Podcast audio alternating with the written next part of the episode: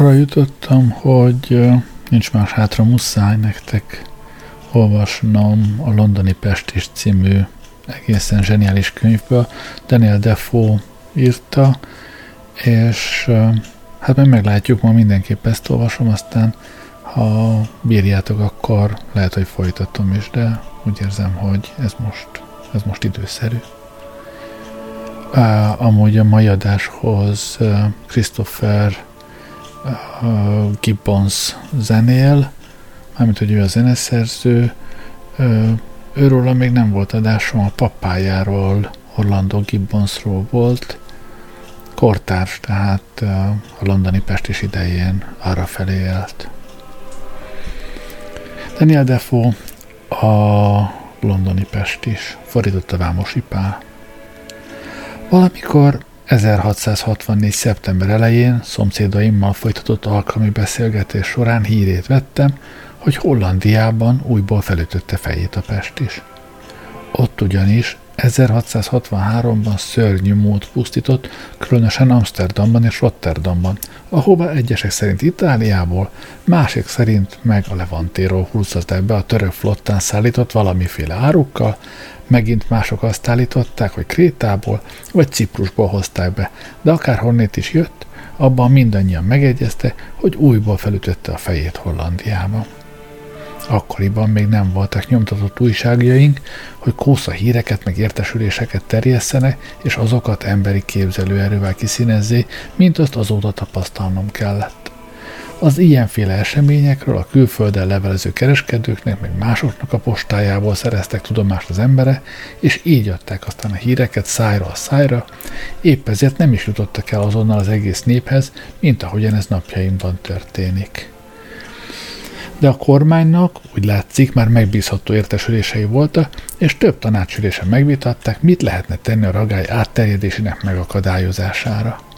Mindezt azonban titokban tartották, így a mendemonda megint elcsitult, és az emberek már-már megfeledkeztek róla, hisz bennünket nem igen érintett, és reméltük, hogy nem is igaz. Míg aztán 1664. novemberének végén, vagy decemberének elején Long Acre-ben jobban mondva Dürilén felső végében, két állítólag francia férfit elragadott a Pest is.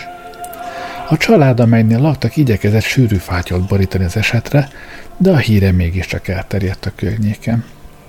A minisztérium is tudomást szerzett róla, a tényállás felderítésére vizsgálatot rendelt el, és két orvost meg egy felcsert küldött ki a helyszínre.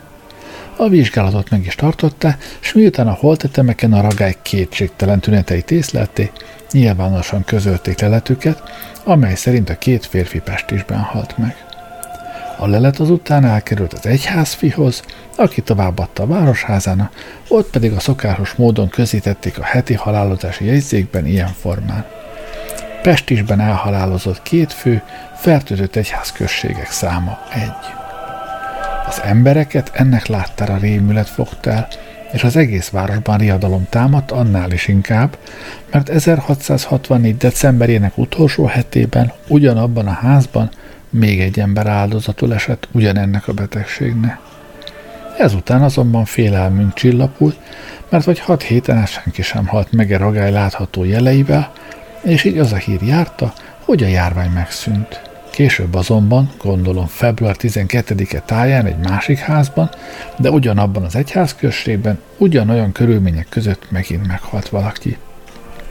Ez a haláleset az emberek figyelmét igencsak a városrész felé fordította, és mivel a heti jegyzék tanúsága szerint St. Giles-ban a temetkezések száma szokatlanul megnövekedett, gyanítani kezdték, hogy a városnak ezen a végén Pest is dúl, már is sokan elpusztultak benne, csak a hatóságok igyekeznek amennyire lehet titokban tartani. Ez a hír nagyon foglalkoztatta a város népét, nem igen merészkedtek a Dürilénre vagy más gyanús utcába, ha csak valamilyen rendkívüli ok nem kényszerítette őket erre. A jegyzékekben szereplő halálesetek szaporodását illetően így álltak a dolgok.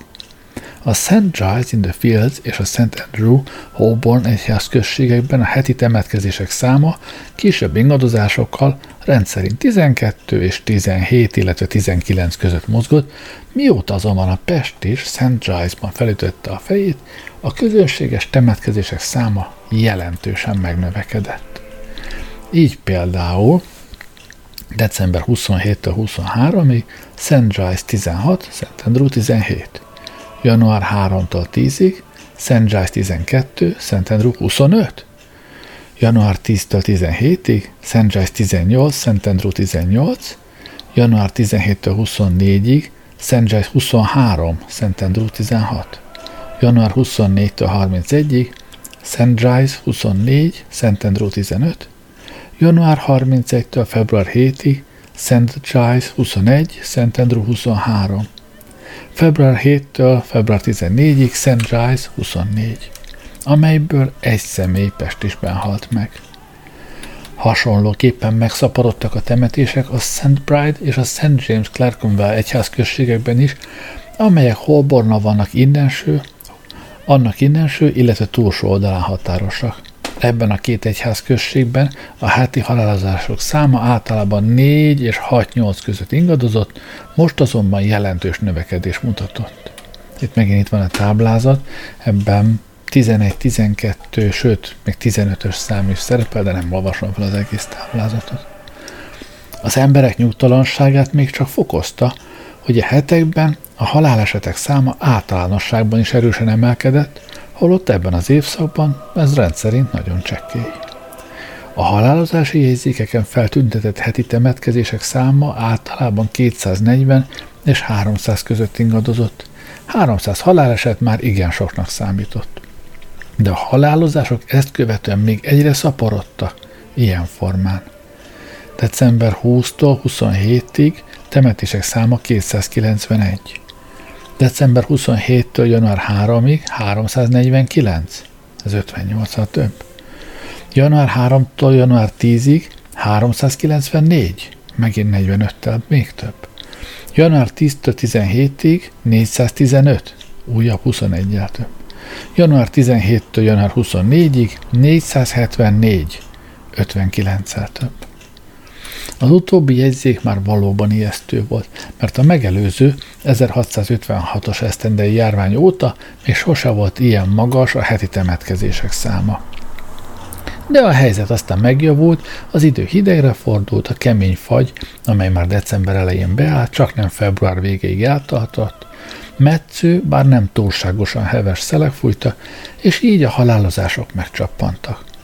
A város újból jó egészségnek örvendett, és az emberek már-már azt hitték, elmúlt a veszély. Noha St. Giles egyház községben a temetkezések száma továbbra is nagy volt. Különösen április elejétől kezdett újból szaporodni, ekkor hetenként 25 személyt temettek, aztán 18 és 25 közti héten 30-at, és ezek közül ketten Pestisben pusztultak el. Nyolcan meg kiütéses tifuszban, amit ugyancsak ennek a betegségnek tekintette hasonlóképpen megnövekedett a kiütéses tifuszban elhalálozottak száma. Az előtte való héten 8-an, viszont az említett héten már 12-en haltak meg benne. Mindez új borrettegéssel töltött el minket. Az embereket szörnyű félelem fogta el, annál is inkább, mert az időjárás megváltozott, melegebbre fordult, és küszöbben állt a nyár. A következő héten azonban ismét reménykedni kezdtünk, a halálozások száma megcsappant, mindössze 380-at tett ki. Pestisben senki sem pusztult el, és kiütéses tifuszban is csak négyen. Ám a következő héten a ragály ismét visszatért, és átcsapott még két-három egyházközségre, és pedig Szent Andrew Holbornra, Szent Clementainesre, sőt a City szörnyű rémületére egy ember a városfalon belül is meghalt a Szent Mary Woolchurch egyházközségben, vagyis a Beerbinder lénen, a Marhapiac szomszédságában. Összesen kilencen pusztultak el Pestisben és hatan kiütéses tifuszban. A vizsgálat azonban kiderítette, hogy a Beerbinder lénen meghalt francia eredetileg Longacre-ben lakott, a fertőzött ház közelében, és a Pestistől való félelmében költözött el onnét, nem sejtvén, hogy a betegséget már magában hordozza. Ekkor beköszöntött a május, de mérsékelt, változékony és eléggé hűvös idővel. Így az emberek még mindig bizakodtak. Kiváltképp abból merítettek reményt, hogy a Cityre nem csapott át a járvány. A 97 egyházközségben mindössze 54 volt a temetések száma. Ezért már-már reméltük, hogy a Pest is, amely eddig elsősorban a város túlsó végén dúlt, talán nem terjed tovább. Bizakodásunk annál is indokoltabbnak látszott, mert a következő, azaz a május 9-től május 16-ig terjedő héten csupán hárman haltak meg, és közülük egy sem lakott a Cityben, se a város külső kerületeiben. És Szentendrúban is mindössze 15, tehát egészen kevés temetés volt. Igaz, Szent Giles-ban 32 személy temette, de közülük csak egy pusztult el Pestisben, és így az emberek fellélegzettek. Ezen a héten a halálozások száma egészben véve is megcsappant. Az előző héten mindössze 347-re rúgott, az említett héten pedig csupán 343-ra. Néhány napig tehát remény töltött el minket, de csak néhány napig, mert az embereket nem lehetett többé félrevezetni. Végigvizsgálták a házakat, és látták, hogy a dögvész valójában már minden irányba szétterjedt, és naponta szedi áldozatait. Nem lehetett tovább szépítgetni, eltitkolni a bajt, sőt hamarosan kiderült, hogy a ragály elterjedésének meggátlására sincs semmi remény, mert St. Giles-ban már számos utcára átcsapott, sok helyütt egész családok ágynak estek. A dolgok ilyetén alakulása a következő hét halálozási jegyzékén aztán meg is mutatkozott. A jegyzék ugyan csupán 14 pestisben elhunyt személy tüntetett fel, ez azonban merő porhintés volt, mert St. Giles-ban összesen 40 ember temette, és ezek többsége biztosan Pestisben pusztult el, jól lehet a jegyzék más betegséget nevezett meg. És bár az összes ottani temetések száma nem emelkedett 32 fölé, és az egész jegyzék mindössze 385 nevet tartalmazott, de ebből 14 szemét kiütéses tifusz, és ugyancsak 14-et a dög halál ragadott el. Ezért bizonyosnak vettük, hogy ezen a héten összesen 50-en haltak meg Pestisben. A következő jegyzék május 23-ától 30-áig terjedő hétre vonatkozott, amikor is a Pestisben elhunytak száma 17 volt. De St. Giles-ban 53 szemét temettek, ijesztő szám, noha ezek közül csak 9-nél jelölték meg a halálokát Pestisben ám a békebírák a főpolgármester kívánságára tüzetesebb vizsgálatot tartotta, és ekkor kiderült, hogy a valóságban St. Giles-ban még, még 20 embert kaszált le a pest is, ezeknél azonban a halálokát kiütéses tifusznak vagy más betegségnek tüntették fel, mi több, egyeseknek még a halálát is elhallgatták. De ez mind semmiség volt ahhoz képest, ami rögtön ezután következett. Az idő melegre fordult, június első hetétől kezdve a járvány szörnyű mód elharapózott, és a temetkezések száma nagyon megszaporodott. A különféle lázas betegségekben, kiütéses tifuszban és száj sűjben elhunytak sora mind hosszabb lett, mert aki csak tudta, titkolta betegségét, nehogy ismerősei elkerüljék, még beszélni sem merjenek vele, a hatóságok pedig lezárják a házát, amire eddig ugyan még nem került sor, de már kilátásban volt, és az emberek a puszta gondolatától is rettegtek. Június második hetében a raggály még mindig St. Giles-t sújtotta legfőképpen, ahol 120 szemét temettek. A jegyzék szerint ugyan csupán 68-an pusztultak el dögvészben, de mindenki azt mondogatta, hogy az egyházközség szokásos temetkezési adatait tekintve ebből legalább száz a pestisben elhunytak száma. Eddig a hétig a Cityre még nem csapott át a ragály, 97 egyházközségben egyetlen áldozatot sem követelt, kivéve a már említett franciát. Most azonban négyen is rápusztultak a Cityben. Egy a Wood Street-en, egy a Fencher Street-en, kettő a Krug Lane-en. South Ark mentes volt a járványtól, a folyónak azon az oldalán még egyetlen embert sem vitt el a Pest is.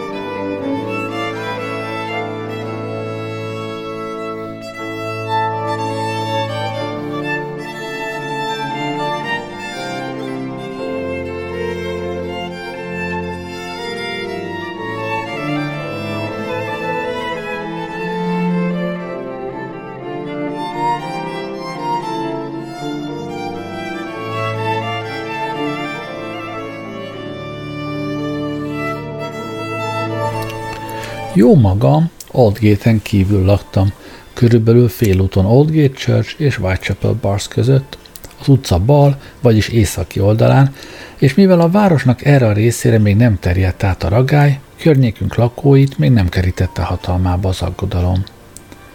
A város túlsó végén azonban nagy volt a riadalom, és a jobb módúak, különösen a nemesek és a köznemese, családjukkal és szolgáikkal soha nem látott áradatban özönlöttek ki a City nyugati részéből.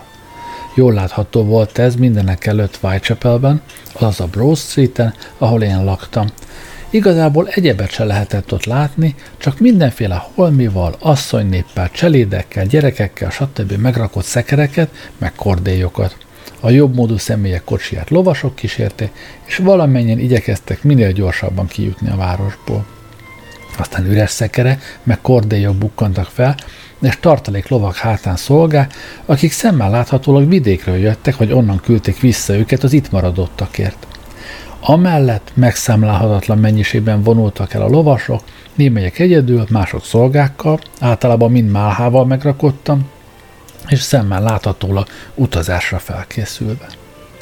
Szerfelett ijesztő, elszomorító látvány volt, és mivel reggeltől estig ezt kellett néznem, mert csak ugyan nem akadt fontosabb látnivaló, egyre csak azon töprengtem, milyen nyomorúság szakad a városra, milyen szörnyű sors vár az itt maradottakra. Néhány héten át akkora áradatban menekültek az emberek a városból, hogy a főpolgármester ajtajához csak a legnagyobb nehézségek árán lehetett eljutni. A távozni készülék roppant sődülete várakozott ott útlevélre és orvosi bizonyítványra, mert enélkül senkit sem engedtek át az útbelső városokon, és senki sem kapott szállást a fogadókban. Mint hogy a Cityben egész idő alatt egyetlen ember sem pusztult el Pestisben, főpolgármesterünk a 97 egyházközség lakóinak első szóra kiadta az orvosi bizonyítványt, sőt egy ideig még azoknak is, akik a város külső kerületeiben laktak. Ez a fejveszett menekülés, mint mondtam, hetekig tartott, egész májusban és júniusban. Annál is inkább, mert olyan hírek kaptak szányra, hogy a kormány rendeletet szándékozik kiadni, amelynek értelmében az utazás megakadályozására az ország utakat sorompokkal és torlaszokkal el fogják zárni. Valamint, hogy az útbelső városok a fertőzéstől való félelmükben londoniakat nem engednek át. Ezek azonban légből kapott hírek voltak, főképp kezdetben. Most már én is komolyan fontolóra vettem, mit évő legyek. Azaz, hogy az itt maradásra szánjam el magam, vagy zárjam be házamat és menekülje, ahogyan azt nem egy szomszédom tette. Azért írok erről ilyen részletesen, mert ki tudja, talán hasznos lesz az utánam jövőknek, ha egyszer ők is ilyen bajba és hasonló választás elé kerülne. Azt szeretném tehát, ha ebben a beszámolóban nem is annyira cselekedeteim történetét látná, mint inkább útmutatást arra, hogy mit tévők legyene, hisz jól tudom, abból, ami velem történt, fikarsznyi hasznot sem húzhatna. Két fontos dolog lebegett a szemem előtt. Az egyik tevékenységem folytatása, műhelyen fenntartása, nem megvetendő szempont, hiszen ebben feküdt minden földi vagyonom a másik pedig életem megóvása ebben az immár egész London fenyegető szörnyű veszedelemben, amelyet azonban, bármi nagy is volt, a magam és mások félelme talán a valóságosnál nagyobbnak festett. Az első szempont igen nagy jelentőségű volt számomra, nyerges mester voltam, és tevékenységemet nagyrészt nem kiskereskedelmi vagy alkalmi adásvétel útján folytattam, Inkább az amerikai angol gyarmatoknak szállító kereskedőkkel álltam kapcsolatban, és így ingó vagyonom javarészt az ő kezükön ment keresztül. Igaz, nőtlen voltam, de üzletemben cselédséget tartottam, házam, boltom áruval tele raktáraim voltak, egy szóval, ha ezt mind itt hagyom, már pedig ilyen helyzetben mindent itt kellett volna hagynom, azaz nem találtam volna felügyelőt vagy más személyt, akire rábízhatom, ezzel nem csak üzletemet, de javaimat, vagyis egész földi vagyonomat kockáztatnám. Éltekkor Londonban egy bátyám is, aki nem sok esztendővel azelőtt tért vissza Portugáliából. Amikor vele megtanácskoztam, mit évő legye, mindössze négy szóval felelt, amelyek egy teljesen másféle alkalommal hangzottak el valaha, vagyis, Uram, mensd meg magad. Egy szóval azt tanácsolta, menjek vidékre, ahogy ő is elhatározta már, hogy családjával elhagyja a várost.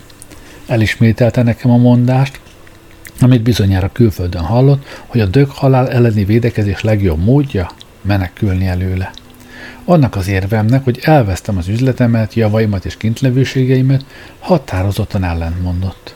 Ugyanaz az érvem, jegyezte meg, amivel én itt maradásomat magyarázom, vagyis, hogy biztonságomat és egészségemet Isten kezébe teszem le, a legfőbb ellenérv arra az indokomra, hogy elvesztem üzletemet és vagyonomat. Mert, úgymond, nem volna ugyanilyen észszerű, hogy üzleted elvesztésének lehetőségét vagy kockázatát Istenre bízd, mint az, hogy ilyen fenyegető veszélyben itt maradj, és az életedet bízd rá. Azzal nem érvelhettem, hogy nem tudom hová mehetni, mert sok barátom és rokonom élt Northamptonshire-ban, ahonnét családunk származott, és mindenek előtt Lincolnshire-ben lakott egy nővérem, aki bármikor szívesen befogadott és vendégül látott volna. Bátyám, aki feleségét és két gyermekét már elküldte Bedfordshire-be, és maga is csatlakozni készült hozzájuk, igencsak biztatott, hogy menjek én is el és már engedtem volna kívánságának, azonban nem tudtam lovat szerezni, mert igaz ugyan, hogy ami az embereket illeti, nem mindenki hagyta el London városát, viszont joggal állíthatom, hogy valamennyi ló eltűnt onnét, és heteken át az egész városban nem lehetett lovat venni vagy bérelni. Már azt is elhatároztam, hogy az egyik szolgámmal gyalog indulok el, és útközben nem szállunk meg fogadóban, hanem, mint ahogy sokan tették, katonasátrat viszünk magunkkal, és a szabad ég alatt hálunk, hiszen az idő igen meleg volt, és így nem kellett attól félnünk, hogy megfázunk. Azt mondtam, mint ahogyan sokan tették, mert végül is többen erre fanyalodta, különösen olyanok, akik a hadseregben szolgáltak a háború idején, ami nem volt olyan régen.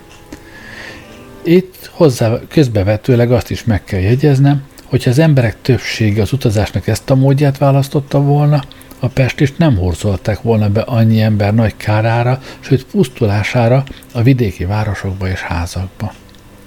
Ekkor azonban a szolgám, akit magammal akartam vinni, becsapott. Ugyanis ha ragály terjedésének láttára rémület fogtál, és mert nem tudta, mikor utazom, tőlem független lépésre szánta el magát, faképnél hagyott, és így kénytelen voltam elhalasztani az utazást. Aztán meg úgy adódott, valahányszor elhatároztam, hogy indulok, egy vagy más körülmény meghiúsította szándékomat, és megint csak el kellett halasztanom az utazást.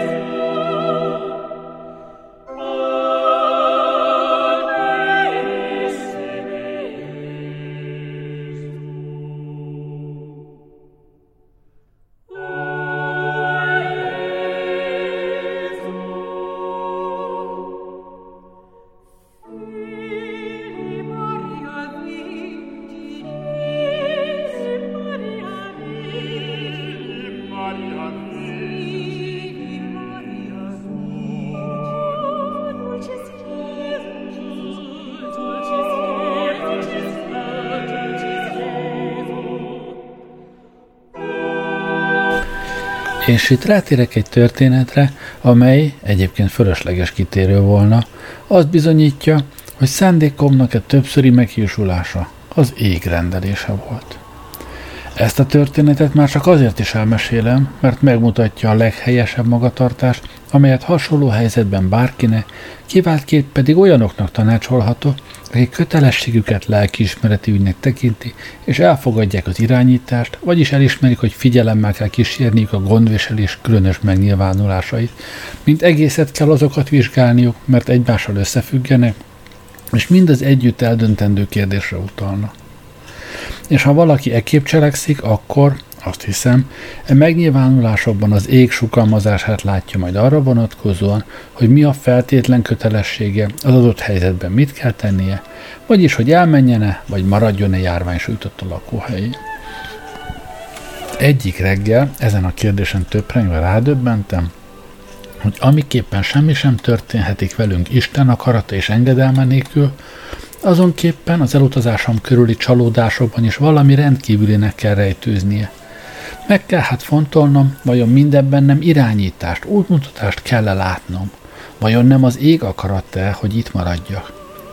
Ezt pedig tüstén követte a gondolat, hogy ha valóban Isten akarja, hogy itt maradja, Ő meg is tud őrizni engem minden pusztulás és veszedelem közepette. Ha viszont biztonságom érdekében megpróbálnék elmenekülni a lakóhelyemről, semmibe venném azokat a sugalmakat, amelyeket Istentől eredőnek véle, és az annyit jelentene, hogy Isten elől futok, holott Isten ítélet az ő akarata szerint bárhol és bármikor utolérhet. Ezeknek a gondolatoknak nyomán megváltoztattam el határozásomat, és amikor ismét beszéltem bátyámmal, elmondtam neki, hogy Londonban akarok maradni, sorsomat azon a helyen várom be, ahova Isten állított, és hogy az imént elmondottak alapján úgy látszik, mindenképpen ez a kötelessége. Bátyám, bár maga is igen vallásos ember, nevetségesnek tartotta azt a gondolatomat, hogy mindez az ég sugalmazása volna, és elmesélt nekem néhány történetet, ahogy a nő mondta, hozzám hasonló meggondolatlan emberekről. Hozzátette, hogy csak akkor kellene ebben az ég akaratát látnom, s alávatnem neki magamat, ha valamilyen járvány vagy betegség folytán magatehetetlen volni, és hogyha emiatt nem tudnék elmenni, úgy valóban bele kellene nyugodnom Isten akaratába, mert ő a teremtőm, és így vitathatatlan joga, hogy tetszése szerint bánjon velem. Efféle körülmények között mondta, nem volna nehéz eldönteni, mi a gondviselés parancsa és mi nem. Ám pusztán amiatt feltételezni, hogy az ég itt maradásomat sugalmazza, mert nem tudtam lovat bérelni, vagy mert a kísérőmű kiszemelt szolga faképnél hagyott nevetséges gondolat. Hiszen ép és egészséges vagyok, van más szolgám is, egy-két napi gyaloglást könnyűszerrel kibírok, és mivel tökéletes egészségi állapotomról orvosi bizonyítványom van, útközben bármikor bérelhetek lovat, vagy postakocsira ülhetek tetszésem szerint. Ezek után még elmesélte, milyen szörnyű következményekkel jár az a tévhit, amelyet Ázsiában és más vidékeken, ahol megfordult, a törökök és mohamedánok vallanak. Bátyám ugyanis kereskedő volt, és mint említettem, néhány esztendővel azelőtt tért vissza külföldről, útja utolsó állomásaként Lisszabonból. Ezek a népek a predestinációban hisznek, vagyis hogy az Isten minden ember sorsát eleve elrendelte, változtathatatlanul kijelölte, és ezért teljes nem törődömséggel járnak járvány sújtotta helyeken, érintkeznek fertőzött emberekkel. Következésképpen hetenként 10-15 ezrével pusztulnak el, amíg ugyanott az európai vagy keresztény kereskedő, akik elzárkózva visszavonultan élnek, általában megmenekülnek a ragályos betegségtől. Bátyámnak ezekre az érveire újból megváltoztattam szándékomat, elhatároztam, hogy mégis itt hagyom a várost, és ennek megfelelően felkészültem az útra. Mert, röviden szólva, a járvány körülöttem mindenfelé súlyosodott, a halottak száma már csak nem heti 700-ra emelkedett, és bátyám azt mondta, nem mer tovább itt maradni. Kértem, hogy csak másnapig adjon időt a gondolkodásra, és akkor végleg határozok és mivel már amennyire tudtam, gondoskodtam üzleti dolgaimról, és arra kikre bízhatom ügyeimet, nem is igen volt egyéb dolgom, mint elhatározni magamat. Aznap este igen nyomott hangulatban, tétova gondolatok között értem haza. Nem tudtam, mit évő legyek. Az egész estét arra szántam, hogy alaposan meghányjam, vessem a dolgot, és így egyedül voltam oda-haza mert addig az emberek, mint egy közmegegyezéssel, azt a szokást vették fel, hogy napnyugta után nem hagyták el házukat. Ennek okairól később még bővebben fogok beszélni. Az este magányában elsősorban azt iparkodtam eldönteni, mit ír elő számomra a kötelesség. Felsoroltam az érveket, amelyekre hivatkozva bátyám sürgetett, hogy menjek vidékre, és szembeállítottam velük azt a szilárd meggyőződésemet, hogy maradnom kell, a foglalkozásom körülményeiből eredő nyilvánvaló kötelességeket, a kellő gondoskodást értékeimről, amelyek, mondhatnám, megszabják társadalmi helyzetemet. Sorra vettem továbbá a sugalmakat, amelyeket, mint gondoltam, az ég küldött nekem, mint egy utasított, hogy vállalnom kell a kockázatot. És az is eszembe jutott, hogy az ég, mondhatnám, sugalmazza, hogy itt maradja, akkor jogosan feltételezhetem, a sugalom egyben ígéret arra, hogy életben maradok, ha engedelmeskedem.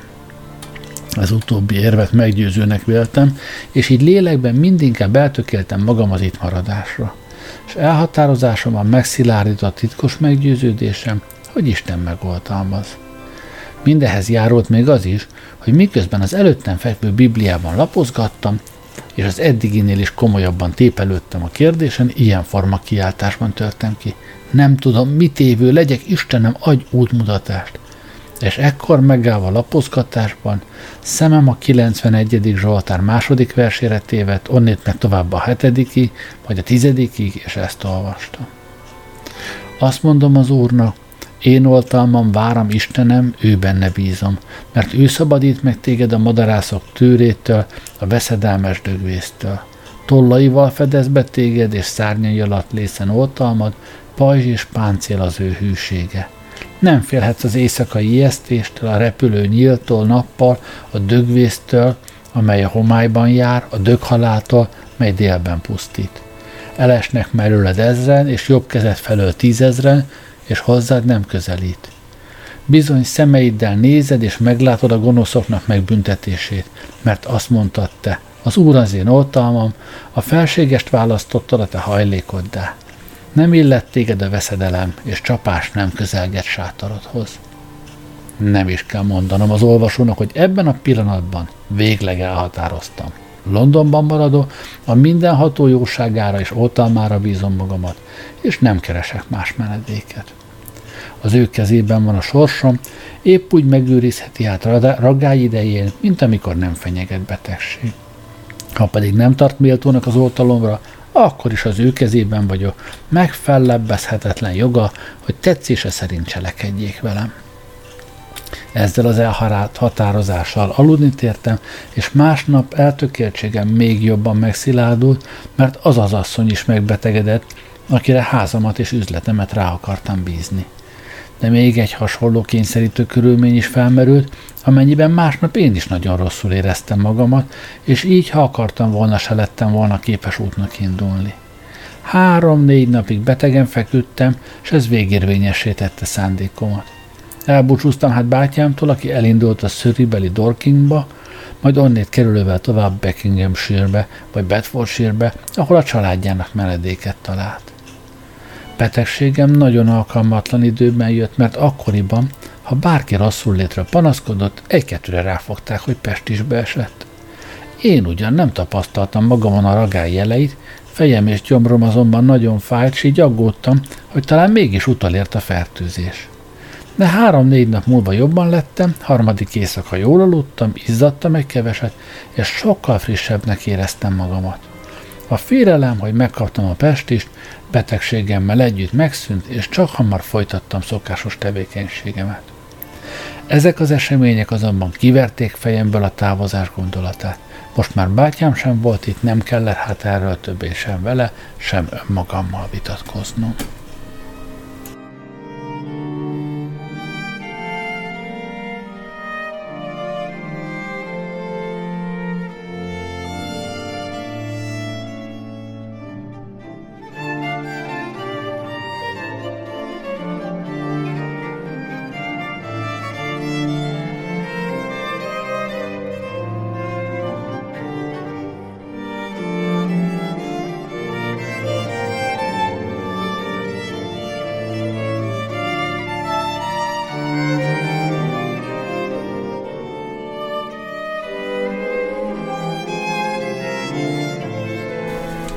Július közepén jártunk már, és a Pest is, amely eddig főképpen a város túlsó végén, vagyis, mint már említettem, St. Giles-ban, St. Andrew Holbornban, majd Westminster táján dühöngött, most lassan átterjedt keletre, a városnak arra a részére, ahol laktam. Viszont látható volt, hogy nem egyenesen felénk tart, mert a City, tehát a falakon belüli terület még mindig mentes volt a ragálytól, és a folyón túl szószörgbe sem csapott át, mert bár ezen a héten összesen 1268-an haltak meg különféle betegségekben, és közülük több mint 900-at feltehetőleg a Pest is ragadott el, ezzel szemben az egész Cityben, a falakon belül csak 28 haláleset történt. Szószorgban pedig Lembet egyházközséget ideértve csupán 19. Holott csak Szent Martin és Szent Giles in the Fields-ben 421-en haltak meg. De azt tapasztaltuk, hogy a járvány főképpen az igen népes és szegények lakta külterületeket sújtja, ahol tehát, ahogy erről még később beszélni fog, több áldozatot szedhetett, mint a Cityben. Láttuk, mondom, hogy a Pest is felénk közeledik. vagyis elharapozik Clerkenwell, Chiplegate, Scoreditch és Bishopgate egyházközségekben. E két utóbbi, Aldgate-tel, Whitechapel és Stepney-vel határos egyházközségekben pusztított végül a ragály a legszörnyűbb dűvel és erővel, még akkor is, amikor a nyugati egyházközségekben, ahol először ütötte fel a fejét, már alább hagyott. Szembeszökő volt, hogy azon a bizonyos július 4-e és július 11-e közötti héten, amikor a Pest is, mint már említettem, csak St. Martin és St. Giles in the Fields-ben több mint 400 embert ragadott el, Oldgate-ben csupán négy, Whitechapel-ben három és Stepney-ben mindössze egy áldozatot követelt. Hasonló volt a helyzet a következő, július 11 18-áig terjedő héten, amikor a jegyzéken 1761 temetés szerepelt, ám a folyó egész szószorki partján mindössze 16-an haltak meg Pestisben. A dolgok ilyetin arculata azonban hamarosan megváltozott és különösen Cripplegate-ben és Clerkenwell-ben sűrűsödtek a, határ, a halálesete. Úgyhogy augusztus második hetében csak Cripplegate-ben 886 ember temettek, Clerkenwell-ben pedig 155-öt. Az előbbiek közül mintegy 850 halhatott meg Pestisben, az utóbbiak közül a jegyzék maga 145-öt jelölt meg a dög halál áldozataként. Július hónapban, amikor, mint már említettem, a mi környékünket a város nyugati részéhez képest láthatóan még megkímélt a járvány, a szokott módon, ahogy a munkám megkövetelte, jártam az utcákat, és mindenek előtt naponta vagy két naponta bementem a Citybe, a bátyám házához, amelyet őrizetemre bízott, hogy megnézzem, biztonságban van-e.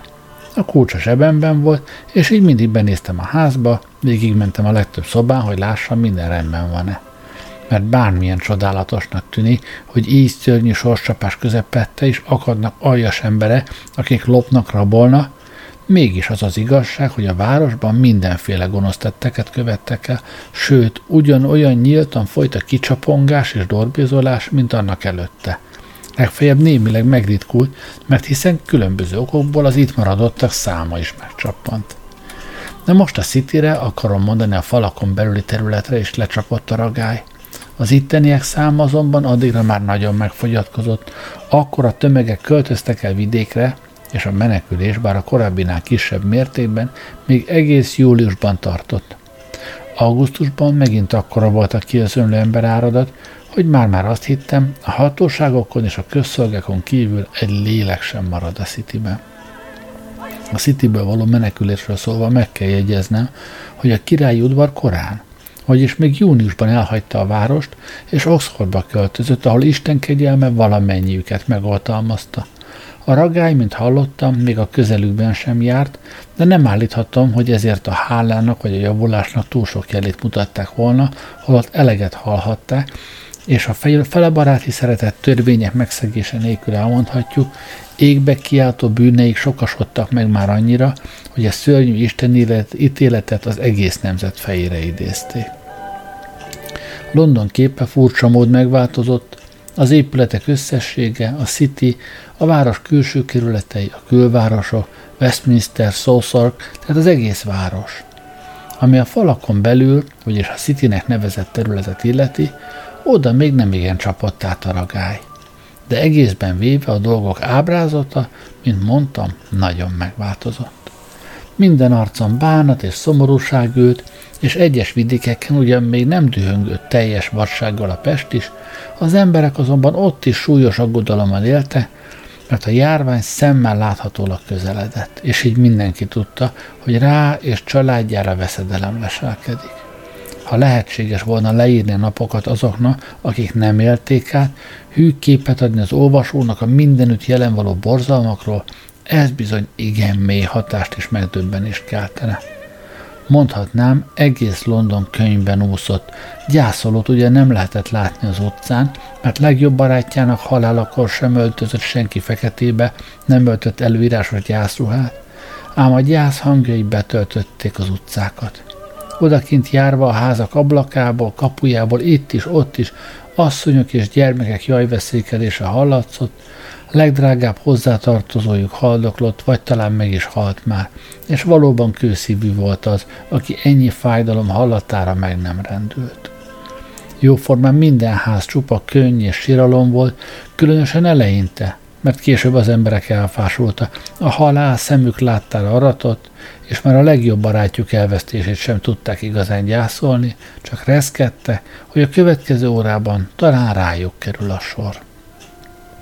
Üzleti ügyeim néha a város túlsó végébe szólítottak, még akkor is, amikor a Pest is főképpen arra felé dühöngött. A látvány, amely ott fogadott, új volt nekem, nekem is, mint mindenkinek, és így megdöbbenve szemléltem az egyébként oly népes, de most kihalt utcákat.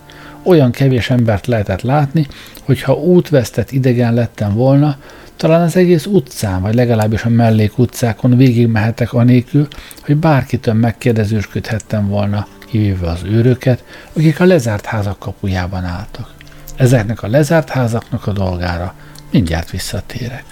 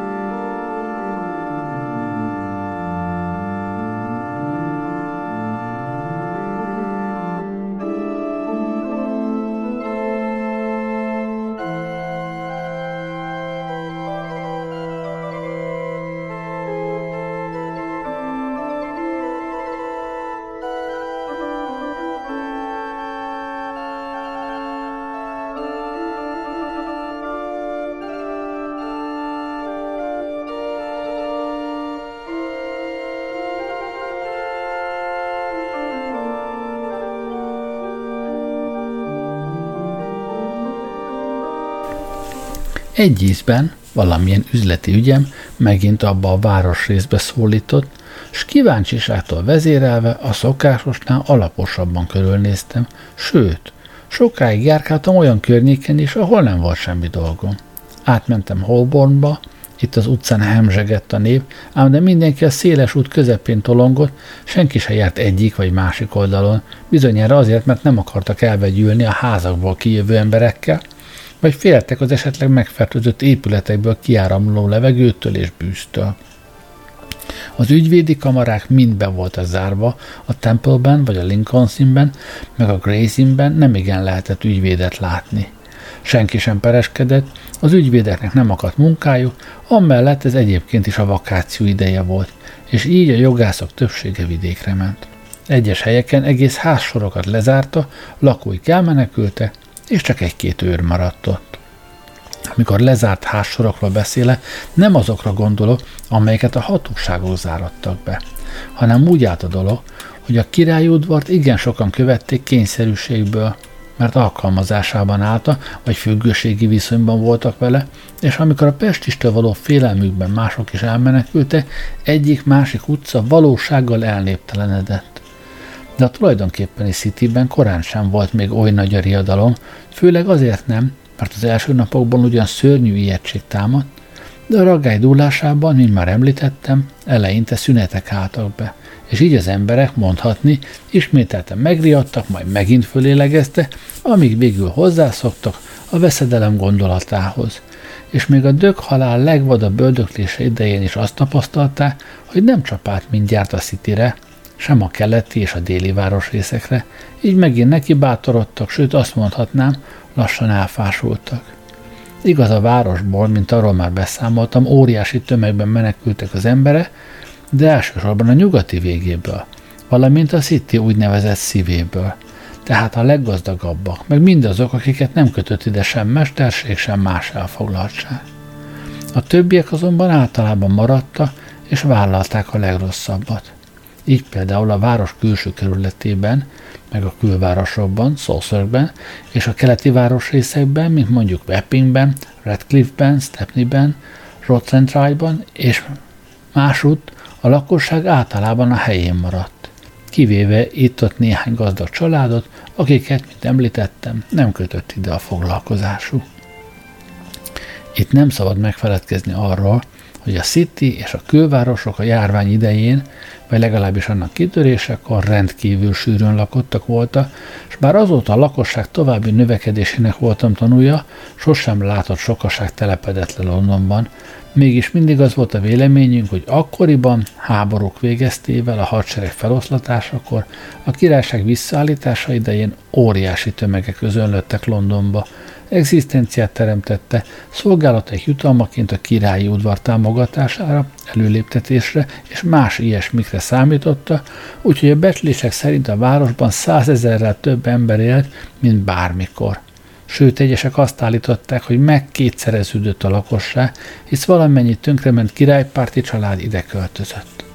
Az összes veterán katona itt fogott valamilyen vállalkozásba, és számos család telepedett le a városban. Amellett a királyudvar, a pompa és az új divatok kedvelőinek egész raját vonzotta ide.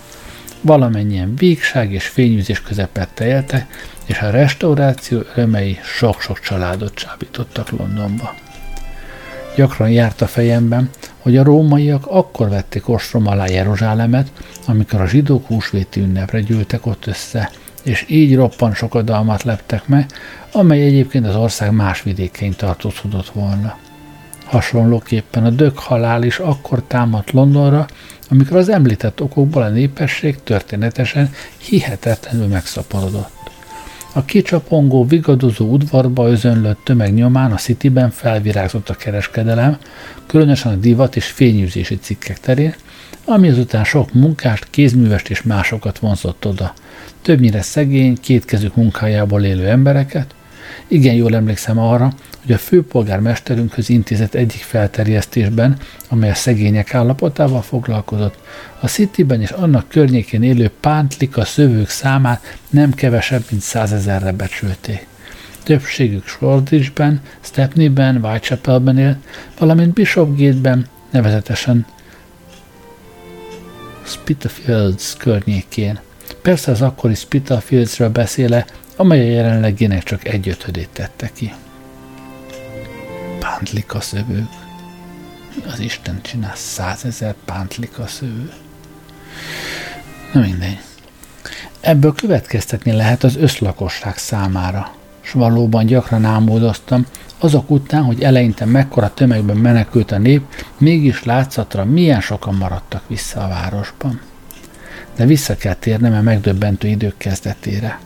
Akkoriban számos különös esemény történt, amely még csak fokozta az emberek szívében amúgy is elevenen élő félelmet, és így nem is lett volna csoda, ha ezeknek együttes hatására az egész lakosság egy emberként fölkerekedi, és elmenekül lakóhelyéről, ott hagyja a földdarabot, amelyet az ég úgy látszik második Asszeldamának jelölt ki, arra kárhoztatva, hogy eltöröltessék a föld színéről, és vele pusztuljon minden, ami ott találtatik.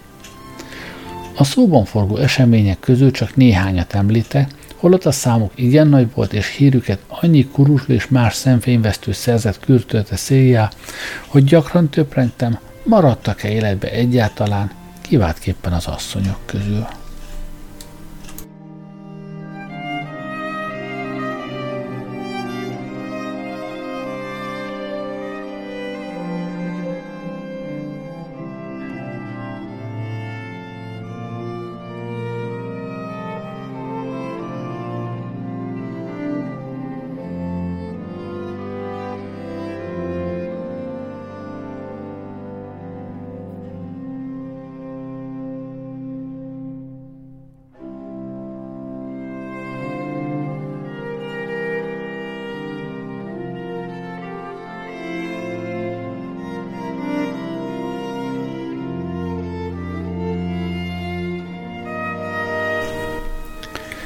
Első sorban is, néhány hónappal a pestis kitörése előtt egy lángoló csillag vagy üstökös tűnt fel az égbolton, mint ahogyan egy esztendővel később, nem sokkal a tűzvész előtt megjelent egy második. A vénasszonyok és a férfi nem betegesen félős képzelődő tagjai, akiket szintén vénasszonyoknak nevezhetnénk, azt mondogatták, különösen utóbb, amikor már mindkét istenítélet elmúlt a fejünk fölül, hogy ezek az üstökösök közvetlenül a város felett a háztetőkhöz közel haladtak el, és ezért nyilvánvalóan egyes egyedül Londonnak jósoltak valamilyen különös esemény közelettét. Azt is beszélték, hogy a dög halál megjelenése előtt feltűnt Csilla, halvány, tompa és bágyat fényű volt, nehézkes, ünnepélyesen lassú mozgású. Ezzel szemben a tűzvészt megelőző üstökös, fényes, szikrázó, mások szerint lángoló és gyors röptű.